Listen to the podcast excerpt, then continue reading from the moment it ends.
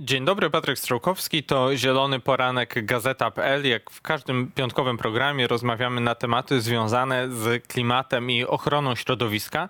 Naszym gościem jest dzisiaj Robert Zuligowski, współprzewodniczący Partii Zieloni we Wrocławiu. Dzień dobry. Dzień dobry, witam Państwa serdecznie. A porozmawiać chciałbym o lasach, a dokładnie lasach państwowych, w związku z materiałem, który opublikowaliśmy w Gazeta.pl w tym tygodniu. Nasz dziennikarz Dominik Szczepański opisał swoje śledztwo dziennikarskie, w którym ujawnił, jak nadleśniczy, czy nadleśnictwo yy, z Radoszyc e, przelewało środki na klub karate, którego e, prezesem i w którym instruktorem jest obecny nadleśniczy, a wcześniej główny księgowy e, te, tego nadleśnictwa. Są to tak zwane środki na cele społeczne, które, czyli procent od zysku każdego od nadleśnictwa, które właśnie nadleśniczy może przeznaczyć na e, różne wsparcie takich celów, które uważa za słuszne i często są to na przykład ochotnicze straże pożarne, ale bardzo często też parafie, organizacje związane z kościołem, kościołem katolickim, czy jak w, ty, jak w tym przypadku y, doszło do tego, że naleśniczy wspierał organizację, czy dofinansował organizację Klub Karate, w którym sam działa. Tego dowiedzieliśmy się uzyskując dokumenty z naleśnictwa, ale pytaliśmy też kilkudziesięciu innych jednostek lasów państwowych, które odmówiły nam odpowiedzi, tłumaczyły między innymi, że nie wiedzą, czy nasz dziennikarz w rzeczywistości jest dziennikarzem, dlatego nie chciały ujawnić, w jaki sposób wydają te pieniądze. No i o te dwie, dwa aspekty tej jednej sprawy chciałbym zapytać. Po pierwsze o to, jak ocenia pan wydawanie w ten sposób środków wypracowanych przez lasy państwowe zysków ze sprzedaży drewna tak naprawdę, a po drugie kwestię tego, myślę, że można powiedzieć braku jawności, czy nawet ukrywania informacji e, o tym, w jaki sposób te publiczne pieniądze są wydawane.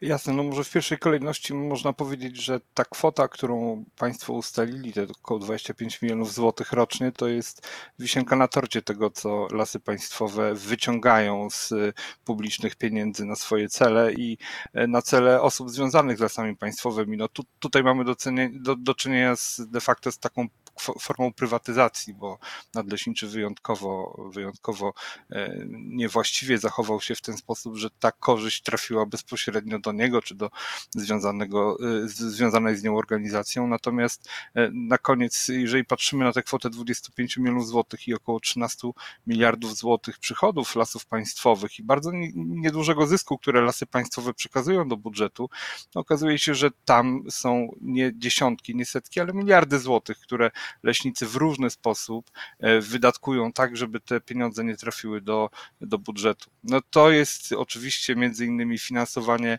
finansowanie e, z działalności politycznej e, Solidarnej Polski, Zjednoczonej Prawicy, czy, czyli osób, które dzisiaj de facto sterują lasami państwowymi w sposób dotychczas też nie, niespotykany. Takiej, takiego upolitycznienia, takiego partyjniactwa, takiego, takiej hierarchii jak w wojsku, w lasach państwowych podległości bezpośrednio pod ludzi pana Ziobro, czegoś takiego w historii lasów państwowych nie było. I to dzisiaj jest upadek tej instytucji. Natomiast przechodząc do kwestii jawności tych wydatków, tego finansowania, no ja sobie nie wyobrażam sytuacji, w której ten zarządca publiczny, on próbuje dzisiaj nazywać się przedsiębiorstwem, e, mówić o tajemnicy przedsiębiorstwa.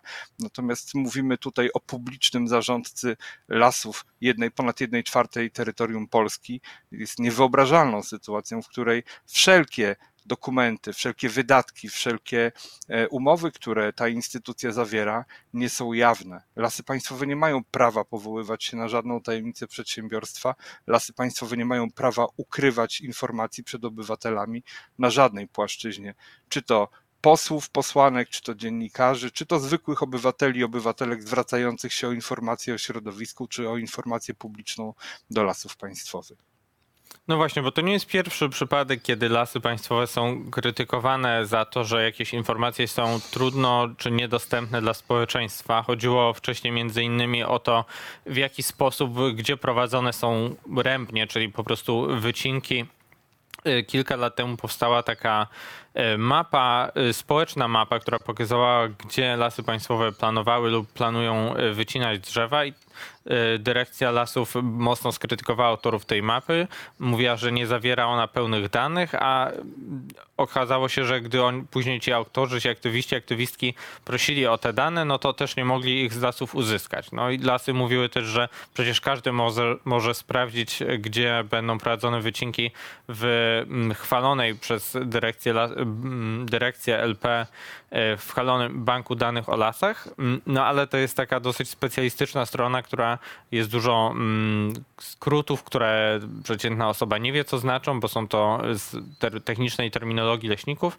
No i de facto nie jest tak łatwo przekonać się, sprawdzić w tym banku danych o lasach, co dokładnie lasy państwowe planują. E, inna kwestia to też e, same plany urządzenia lasu i to, w jaki sposób są one konsultowane. Więc może mógłby Pan powiedzieć więcej też o tej stronie, no bo finanse to jedna kwestia, a być może najważniejsza jest no to, to co, że, co rzeczywiście Las Państwowy jako zarządca robi z terenami e, pod swoim zarządem. Znaczy, to, to wszystko jest kompleks, bo nie da się rozwiązać problemu reformy lasów państwowych bez rozstrzygnięcia wszystkich elementów, czyli organizacyjno-finansowych, tych partycypacyjnych i też tych związanych ściśle z ochroną przyrody. Natomiast y, w tej sprawie, którą Pan tu poruszył, czyli e, Banku Danych o Lasach, informacji o, o wycinkach, tego co lasy i obywatele robią, no ja jestem w tym procesie od mniej więcej trzech lat, kiedy zaczęliśmy o nasz Las, Las Mokrzański we Wrocławiu walczyć i nasza grupa zaczynała wtedy, kiedy tej mapy lasów i obywateli nie było i było nam bardzo, bardzo ciężko dotrzeć do tych informacji. Y, jedyna, jedyne źródło tak naprawdę to e, były tabele taksacyjne czy tabele przetargowe, które lasy państwowe publikowały w PDF-ie, z których bardzo trudno było wyczytać, e, jaka ilość drewna będzie będzie pozyskiwana, w jakim wydzieleniu. Tu trzeba było otwierać to właśnie ten bank danych o lasach, e, potem czytać e, zgodnie z tabelą, e, sprawdzać ilość pozysku, jaki rodzaj tego pozysku będzie, jaka forma rębni będzie prowadzona w danym wydzieleniu i potem to dopiero sobie odnosić wizualnie na mapie lasów państwowych. I to dzięki na początku pomocy Adriana Grzegorza i Fundacji Las Naturalny, potem dzięki właśnie lasom i obywatelom i Marcie Jaguszczyn udało się stworzyć y, coś, co pozwala każdej i każdemu sprawdzić to, co się będzie działo w najbliższym roku, w najbliższym czasie w jego bezpośrednim otoczeniu. W sposób intuicyjny, prosty, taki, że każda osoba jest w stanie zobaczyć, że na przykład 300 metrów od domu w danym miejscu będzie wycięte 30% y, powierzchni lasu rębnią złożoną albo rębnią gniazdową i dzięki temu ta osoba wie już, co ją czeka w najbliższym czasie. Lasy państwowe miały wszelkie możliwości, mają dalej wszelkie możliwości, żeby stworzyć lepszy, bardziej czytelny instrument, żeby zamiast kłócąc się o to, jak lasy, jak lasy i obywatele e, pracują, jak, jaki instrument stworzyły, stworzyć swój własny lepszy. Lasy państwowe nie chcą tego robić, bo chcą ukrywać swoje plany. Wiedzą doskonale to, że dzięki temu, że społeczeństwo dowiaduje się o tym z wyprzedzeniem, jest w stanie zareagować, postulować, uruchamiać uruchamiać samorząd lokalny, tworzyć petycje i y, wpływać na tę formę gospodarki leśnej, która jest prowadzona w sąsiedztwie. I dlatego lasy państwowe z tym walczą. Zresztą mają ku temu potężny aparat y, w postaci Centrum Informacji Lasów Państwowych, dziesiątki milionów złotych rocznie, tylko i wyłącznie po to, żeby tłamsić y, inicjatywy lokalne, po to, żeby budować przekaz propagandowy, po to, żeby wydawać pieniądze na płatne artykuły w mediach, po to, żeby dezawuować to, co robi strona społeczna. Na trudność w tym dostępie narzekają nie tylko dziennikarze czy aktywiści, tacy jak w przypadku mm, mapy lasów i obywateli, ale czasem nawet y, politycy, posłowie i posłanki, którzy w formie interpelacji czy y, inny, innych narzędzi, jakie mają jako parlamentarzyści, próbują uzyskiwać informacje od lasów państwowych. Y, no i nie zawsze okazuje się to możliwe. Wiem, że pan jako mm, działacz zielonych także ma w tej sprawie doświadczenie doświadczenia? Tak, ja jestem obok tego asystentem społecznym posłanki Małgorzaty Tracz z Wrocławia i jako biuro poselskie kierowaliśmy zapytanie do e, ministerstwa w sprawie wydatków na e, kancelarie prawne, bo wiemy, że zaprzyjaźnieni z Solidarną Polską e, pełnomocnicy procesowi reprezentują praktycznie pewnie wszystkie nadleśnictwa w Polsce, tego nie wiemy na pewno i regionalne dyrekcje. To są miliony złotych publicznych środków to, to są też te odpowiedzi, które lasy i obywatele, czy państwo jako dziennikarze, czy posłowie, posłanki otrzymują z lasów państwowych, odmowy odpowiedzi pod najbardziej kuriozalnymi e, e, pretekstami.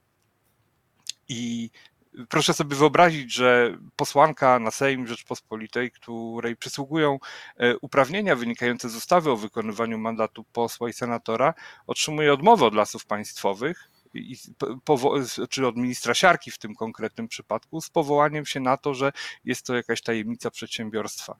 Jaka tajemnica przedsiębiorstwa, nasze publiczne pieniądze z naszych wycinanych lasów są transferowane do koleżanek i kolegów pana ministra Ziobro i nam nie wolno się o tym dowiedzieć, jaka to jest skala. To jest łamanie wszelkich zasad transparentności i to jest typowe dla bananowych republik, a nie dla demokracji takich, jaką powinna być Polska.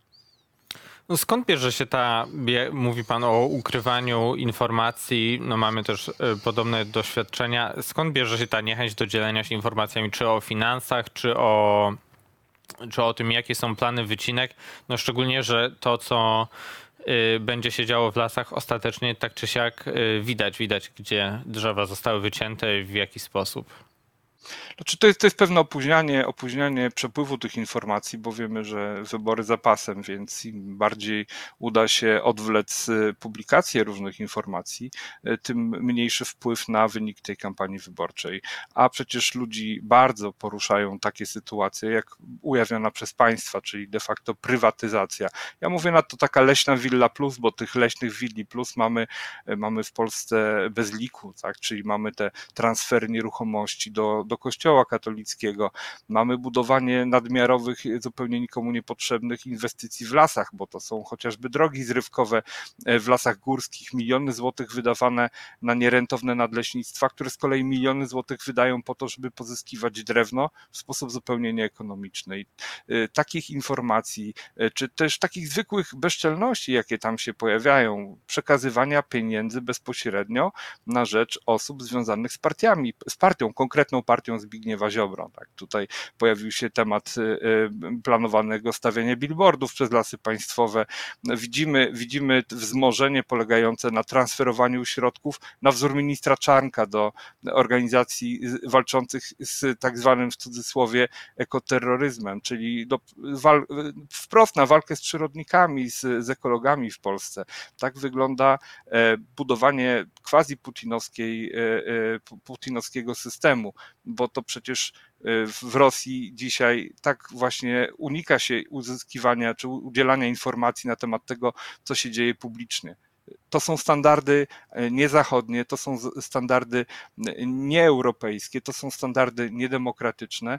W demokratycznym państwie prawa wszystkie tego rzeczy, tego typu rzeczy są jawne, publiczne i są przedmiotem krytyki. Dzięki tej krytyce jesteśmy w stanie naprawiać system, jesteśmy w stanie rozliczać polityczki i polityków, jesteśmy przede wszystkim w stanie zapobiegać politycznej korupcji, która dzisiaj ma miejsce w lasach państwowych. To na koniec chciałbym zapytać właśnie o rozwiązania, jakie Państwo jako Zieloni widzicie dla tych kwestii związanych z zarządzaniem lasami państwowymi. E, no bo jedna kwestia to, czy jeden zarzut, no to jest, jest to połączenie stanowisk w lasach państwowych z, z działalnością polityczną, a druga no to są sprawy systemowe i czy takie rozwiązania systemowe, zmiany w ustawie o lasach, jakie Państwo widzicie, które byłyby potrzebne, które być może chcielibyście przeprowadzić po wyborach? Oczywiście my będziemy też ten komponent programowy szerzej prezentować, natomiast to, co mogę dzisiaj zdradzić, to na pewno jest to kompleksowa zmiana systemu. E, to nie jest tylko zmiana e, ustawowa, bo miejmy świadomość tego, że kultury nie da się zaimplementować przepisami. Musimy bardzo głęboko również zmienić kadry lasów państwowych, sposób kształcenia leśników e, i zacznijmy od tego, że mamy przynajmniej trzy, cztery kategorie lasów, w których należy natychmiast ograniczyć lub wstrzymać pozysk drewna, a to są lasy, które e, leżą na terenach ochronionych e, i to wynika z ustawy o ochronie przyrody, czy to tereny Natura 2000, parki krajobrazowe, czy, czy użytki ekologiczne, czy zespoły przyrodniczo-krajobrazowe, tam pozysk należy zlikwidować lub ograniczyć do minimum.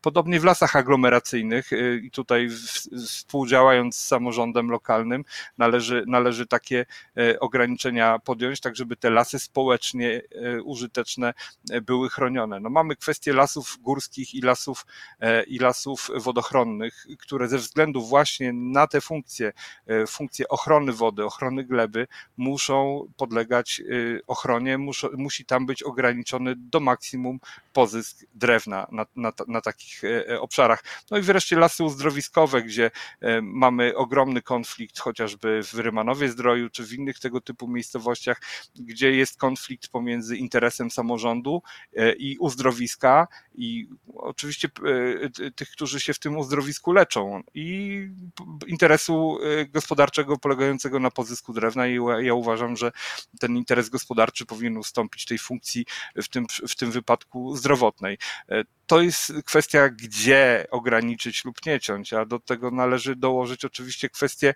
zarządzania środkami. Lasy państwowe nie mogą tymi miliardami złotych zarządzać według własnego widzimisię i wypłacać do budżetu tego, co się uważa. E, mamy przykłady kompletnie nierentownych nadleśnictw, jak choć, chociażby nadleśnictwo Szklarska Poręba, która z uporem maniaka walczy z poszerzeniem Karkonoskiego Parku Narodowego, manipulując między innymi konsultacjami społecznymi, które w tym zakresie się odbyły, a z drugiej strony około 5 milionów złotych rocznie z Funduszu Leśnego trafia do tego nadleśnictwa, bo ono jest trwale nierentowne. Takie nadleśnictwa trzeba częściowo likwidować, y, tereny przekazywać, jak tutaj na poszerzenie Karkonoskiego Parku Narodowego, E, i, i likwidować te udzielne księstewka e, w formie nadleśnictw, które nie mają racji bytu. Takich małych, nierentownych, e, górskich nadleśnictw, gdzie bardziej ekonomicznie opłaca się powiększyć park narodowy niż utrzymywać taką absurdalną wycinkę drzew w, górskim lesie.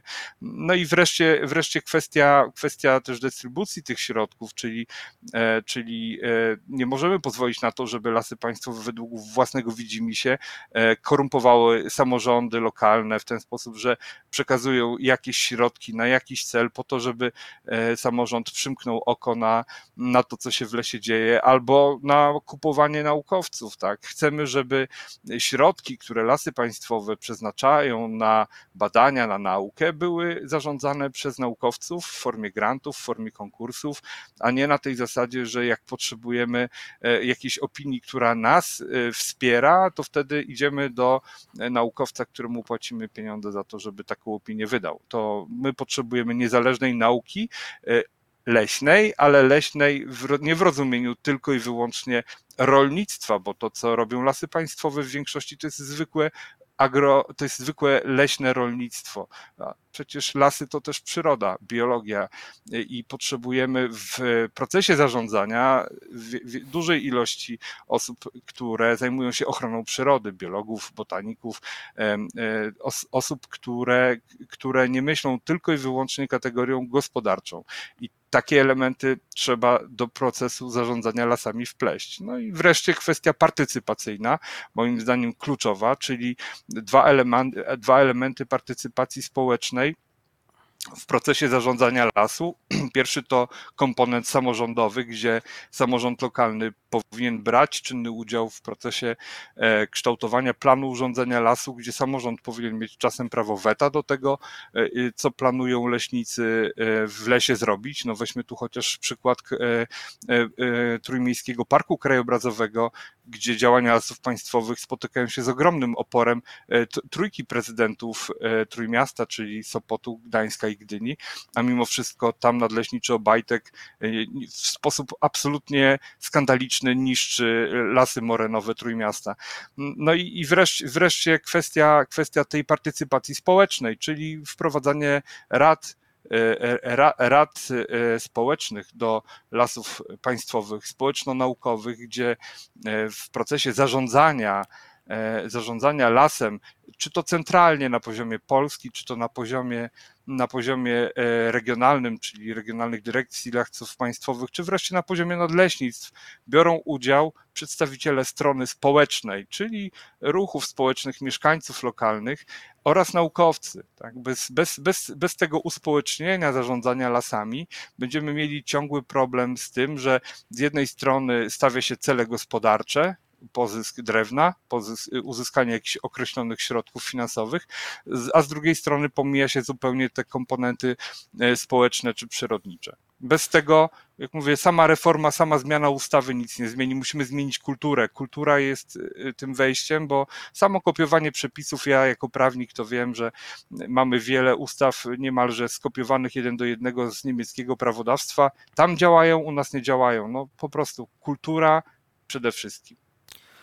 No, czyli mamy tutaj, e, jeśli chodzi o lasy w Polsce, duże wyzwanie, jeśli chodzi właśnie, którego nie da się, tak jak pan mówi, załatwić prostą ustawą. Będziemy z pewnością przyglądać się szczegółowym propozycjom tego, e, co w takim wypadku może się dziać w przyszłości. Bardzo dziękuję za nakreślenie tych państwa propozycji. Naszym gościem był Robert Suligowski z Partii Zieloni. Bardzo dziękuję. Dziękuję bardzo, pozdrawiam serdecznie, do widzenia. A to był Zielony Poranek Gazeta.pl. Patryk Strzałkowski, do zobaczenia.